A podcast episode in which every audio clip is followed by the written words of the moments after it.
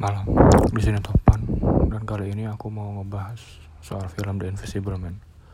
Secara garis besar, film ini menceritakan pengalaman seorang gadis yang diteror oleh sosok. Aku nggak bilang dia manusia atau apa ya, karena mungkin bakal mengurangi pengalaman kalian yang belum nonton film ini. Yang bisa dilihat dengan yang nggak bisa dilihat dengan mata telanjang. Berhubung trailer nggak masuk spoiler, jadi gua jadi aku rasa nyeritain apa yang ada di situ fan fan aja, semoga aja ya.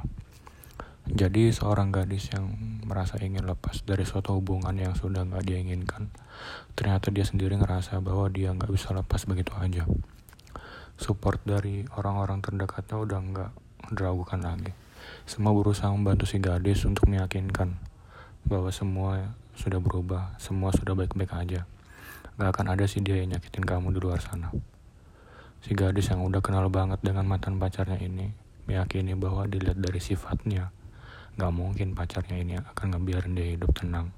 Dan dengan keahliannya di bidang optik, si gadis yakin bahwa dengan suatu cara si mantan ini bakal ngusik kehidupannya lagi. Walaupun dia nggak yakin dengan cara apa. Di trailer kita bisa lihat ada anjing peliharaan si gadis saat masih tinggal di rumah si mantan. Kalian pasti sadar soal ini. Si Invisible Man memang gak terlihat mata, tapi panca indera gak cuma mata kan. Hal ini yang menurut aku dibawakan dengan sangat menarik di film ini.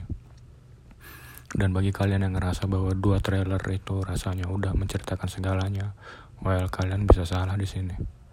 Teror si sosok tak terlihat berawal dari hal kecil yang mungkin masih bisa masuk dalam kategori prank, yang kemudian tumbuh menjadi ancaman yang mematikan. Di sini juga diperlihatkan sejauh apa yang bisa dilakukan suatu sosok jika ia tidak terlihat oleh mata telanjang, yang menurutku sih nggak terlalu luar biasa. Ya dengan kemampuan yang dia lakukan untuk bikin sosoknya nggak terlihat, kreativitasnya dalam meneror seseorang termasuk dalam kategori yang biasa aja. Nah, aku juga suka banget dengan endingnya. Tanpa dijelaskan dengan flashback, si gadis bisa ngambil keputusan yang tepat demi mengembalikan hidup normalnya beserta orang-orang yang ada di dekatnya. Aku nggak akan komentar teknis secara detail ya, semacam sinematografi atau scoring atau acting pemain secara terlalu dalam. Tapi di mata penikmat film horor awam seperti aku, Film ini termasuk unik dalam hal suara dan pengambilan gambar. Kalau kalian suka main permain waktu masih kecil, yaitu temukan perbedaan gambar di dua gambar yang hampir sama. Kalian bakal temuin di sini. Menurutku itu unik dan cocok banget dengan tema horor sosok tak terlihat. Secara keseluruhan film ini menurutku adalah bagus. Ya ratingku cuma kurang bagus, bagus dan bagus banget. Gak ribet kan? Dan overall lumayan menghibur. Oke, sekian review singkat ini. Malam.